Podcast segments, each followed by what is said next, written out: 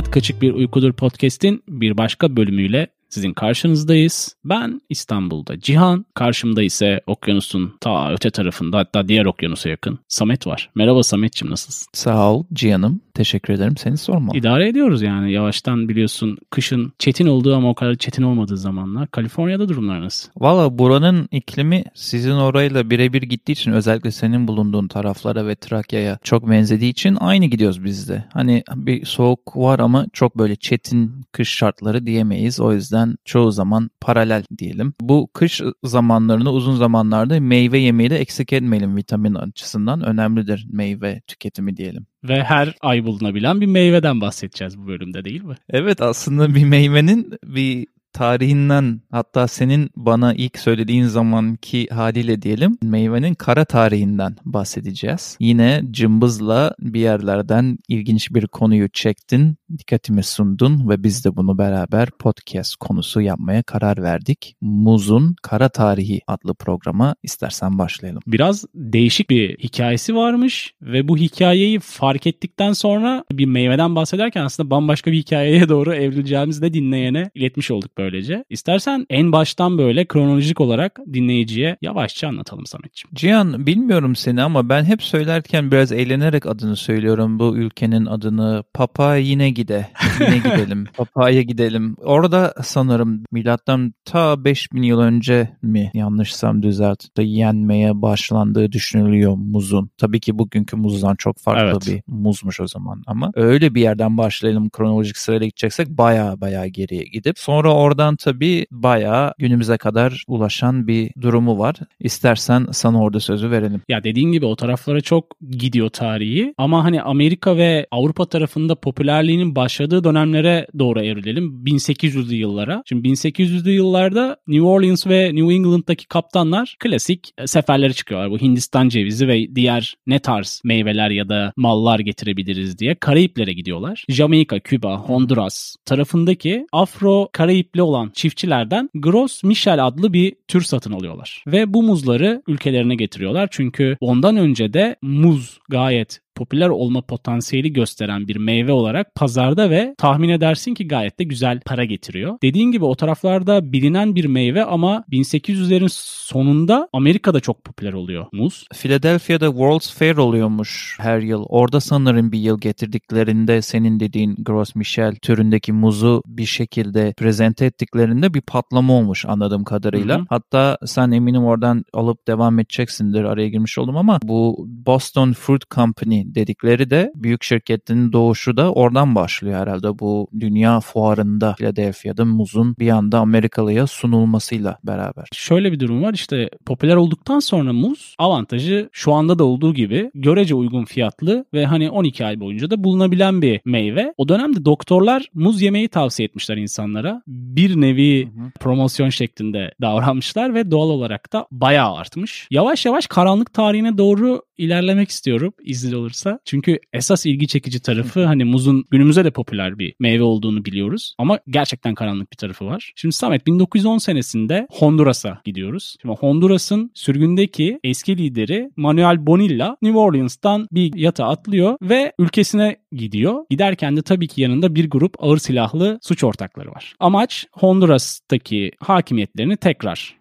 kazanmak. Tabii ki bunu yapabilmesi için arkasında güçlü bir destekçi gerekiyor. Latin Amerika'da çevresi geniş olan El Pupo olarak bilinen hatta Ahtapot da olarak adlandırılan bir örgütün arkasında olduğunu söylemek lazım. Bu örgüt tahmin edeceğin gibi muz ticareti yapan bir Amerika Birleşik Devletleri şirketi. Ve bu şirket United Fruit Company olarak biliniyor veya senin benim ve dinleyicinin kafasında daha iyi canlanacak olan ismi Chiquita Brands International. Chiquita Muz. Evet yani yıllardır hayatımızda olan Chiquita'nın olayın birinci aktörü olması. Güneydoğu Asya'da işte Karayipler'de yetiştirilen muz işte 1500'lerde Amerika'ya ulaşıyor sonra popüler oluyor. Afrika'dan gelen daha önceki bölümlerimizde de değindiğimiz kölelik üzerinden şeker tarlalarının yanında yetiştiriliyor muzlar vesaire geliştiriliyor. Yine değindin sen. Bugün gördüğümüz muzdan bambaşka bir muz yetiştiriyorlar aslında o dönem. Ve 1800'lerde biraz önce konuştuğumuz o kaptanların yaptığı seferlerde elde edilen muzla beraber bir dönüşüm gerekiyor ve o dönüşümü Gros Michel türüyle sağlıyorlar. Çok büyük bir iş haline geliyor ve Amerika Amerika'daki meyve şirketleri de kendi muzlarını yetiştirmek istiyorlar Samet. Hatta böyle işçiler, yollar, ray hatları, Tabii, tabii. büyük prefabrik kalmalık yerler falan o kadar büyüyor ki bir sürü şey yapılıyor. Hatta bunu daha büyük çapta yapabilmek için bir sürü yağmur ormanları da kesiliyor tabii. Zarar vermemelerine imkan yok çünkü o kadar fazla ülkeye yayılıyorlar ki o ülkelerdeki darbe girişimlerini engellemek ya da iktidardakilerin iktidarda kalmalarını sağlamak için de bir sürü paralar veriyorlar. Ki onlardan biri de zaten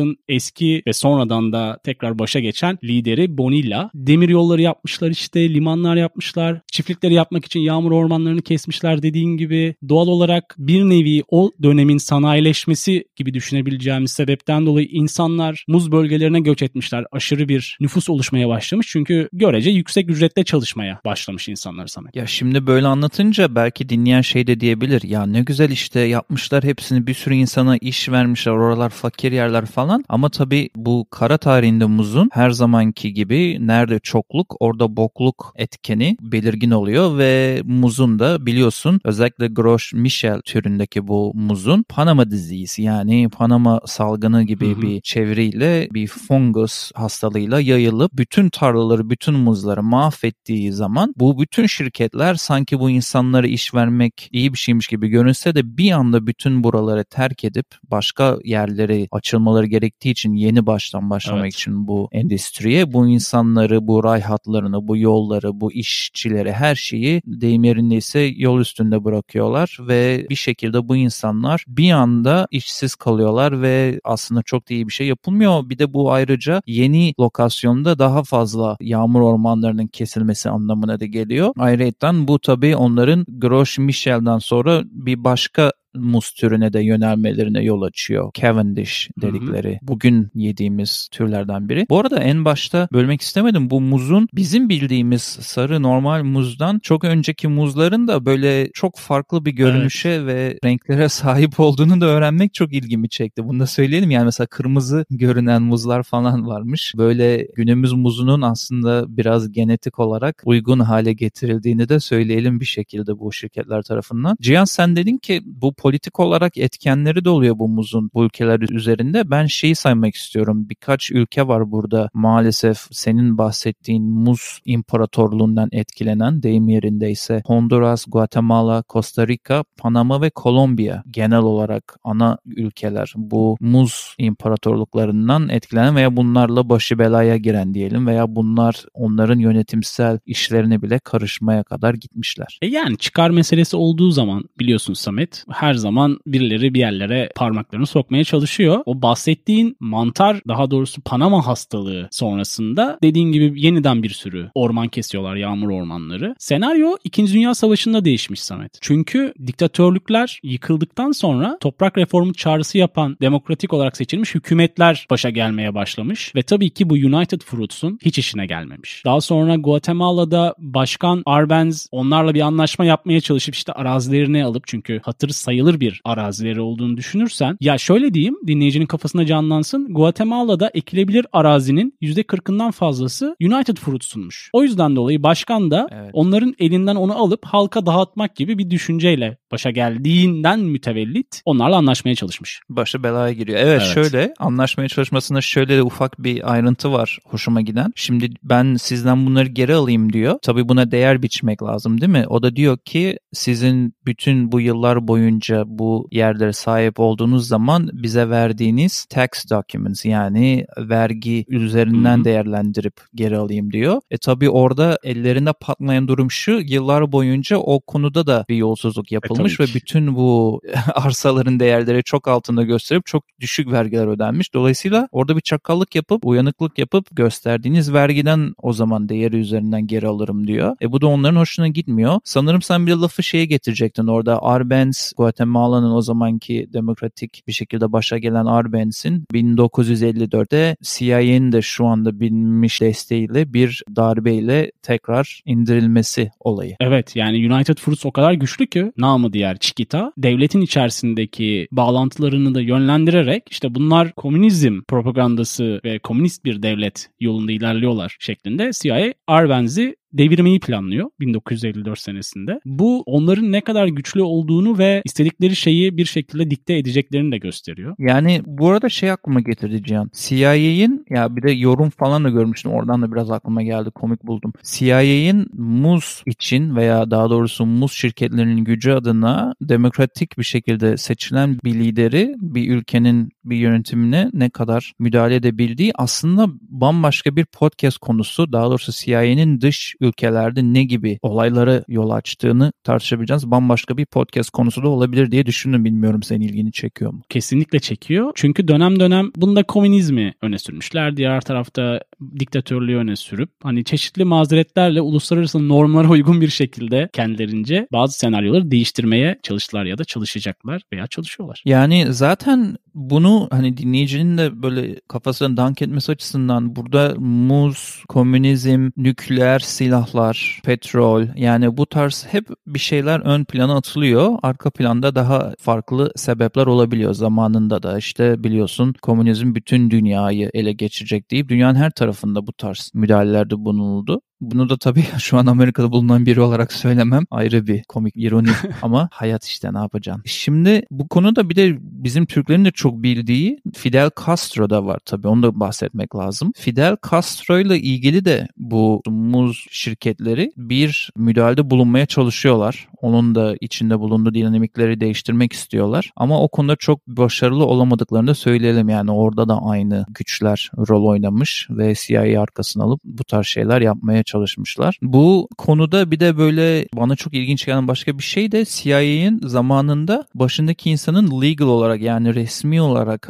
Eisenhower başkan tarafından bu konularda görevlendirilmesi. Yani zannedersin insan der ki hani bunlar kapalı kapılar arkasında yapılması gereken şeylerdir kesin gizli oldu falan ama Chiquita Muz'un ya da United Fruits'un destekçisi olarak bir insanın da atandığı zamanında böyle açık açık kayıtlarda varmış o zaman. Bu da birazcık ne kadar o zamanki durumun korkusuz olduğunu veya yüzsüz mü diyelim artık olduğunu gösteriyor bana. Ya bahsettiğimiz ülkeler görece daha kontrol edilebilir ülkeler olarak görüldüğü için güçlü ülkeler tarafından Amerika gibi. Ondan dolayı çok da rahatsız olmamışlardı bunu biraz aleni olarak yaptıklarını düşünürsek. Çok enteresan tabii ki muz lobisi diyebileceğimiz belki de dünyanın en büyük muz sağlayıcısı hala ki öyle kuvvetle muhtemel. Chiquita üzerinden ki isim değiştirdiler. Tabii ki şu anda Orta Amerika'da hani ekonomik anlamda yaşamsal bir öneme sahip değil muz. Önceki dönemlerle karşılaştırırsak. Yani. Ama evet hani onlar da United Fruits Company dediğimiz şirket de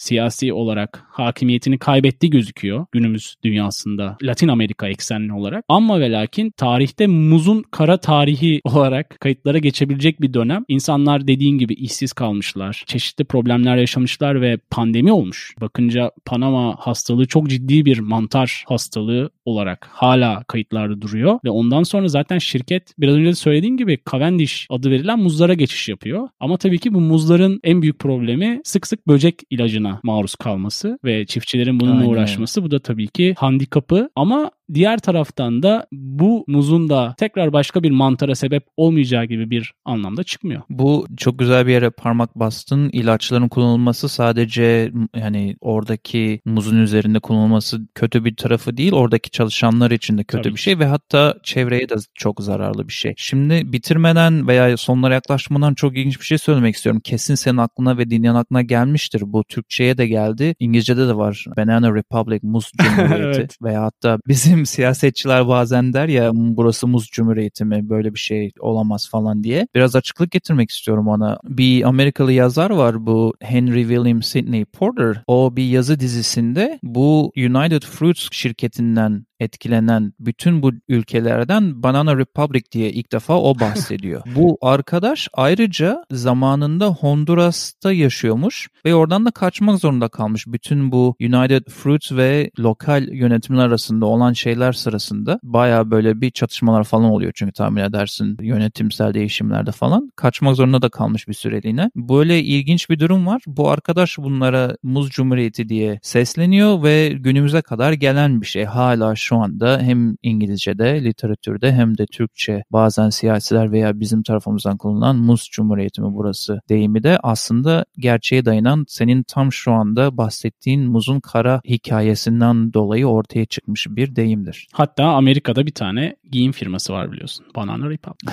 Aynen öyle o da var. Ve hatta madem örnekleri çoğaltıyoruz ünlü yazar ve şarkıcı da Ajdar Çikita Muz diye de bir şarkı yapmıştır bu konuya parmak basmak için. Teşekkürler serbest çağrışımların için. Ya dediğin gibi Panama hastalığı nasıl bulaştıysa bu önümüzdeki diğer muz eksenli bir hastalık da o şekilde buluşacak. Çünkü bunun bir nakliyesi var işte ne bileyim orada çalışan insanlar var. İnsanların insanlarla etkileşimi var ki yakın zamanda da güzelce bir pandemi yaşayan ve bunu iliklerine kadar hisseden bireyler olarak gözümüz bir korkmadı değil. Aynen sonsuz pandemik olasılıklar içerisinde yüzdüğümüzün en bilinçli zamanlarındayız diyelim. Kesinlikle.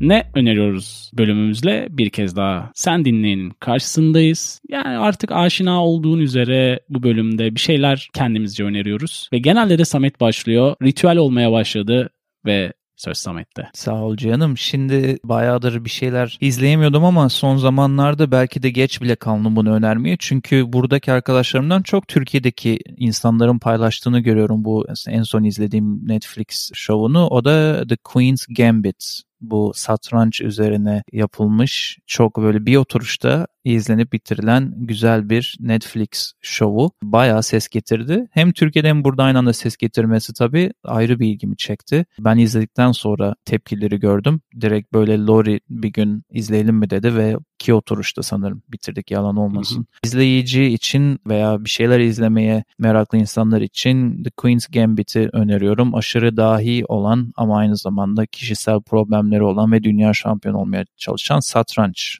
oyuncusu bir kızı anlatıyor. 1960'larda anlatıyor ve çok güzel resmedilmiş. Çok hoşuma gitti her şey. Yönetmen falan iyi iş çıkarmış. Uzatmayalım. Bir tane de meşhur dünya ekseninde meşhurlaşmış her yerde çalınan arabalarda diskoteklerde çalınan HKBU dinlencesi var biliyorsun herkesin doyamadığı, dinlediği. Oraya da bir şarkı ekleyelim. Hazır böyle eskileri gitmişken bir konsept olsun dedim Queen's Gambit'le aynı zamanların şarkısı. Şovun içinde de çok kısa bir süre çalıyor. Shocking Blue adlı çok eski bir Hollandalı bir yanılmıyorsam grubun e, İngilizce söyleseler de şarkıları ve Amerika'da ünlenseler de Hollandalı bir şarkının Venus şarkısını bizim meşhur şarkı listemize eklemek istiyorum. Bu şarkı listesi de hemen söyleyelim. YouTube'da, Spotify'da ve hatta Deezer'da da şu anda bulmak mümkün. Cihan'ım bende bugünkü öneriler bu kadar. Senin önerilerini merakla dinleyeceğim ve sonrasında da dinleyiciye hoşçakal diyeceğiz.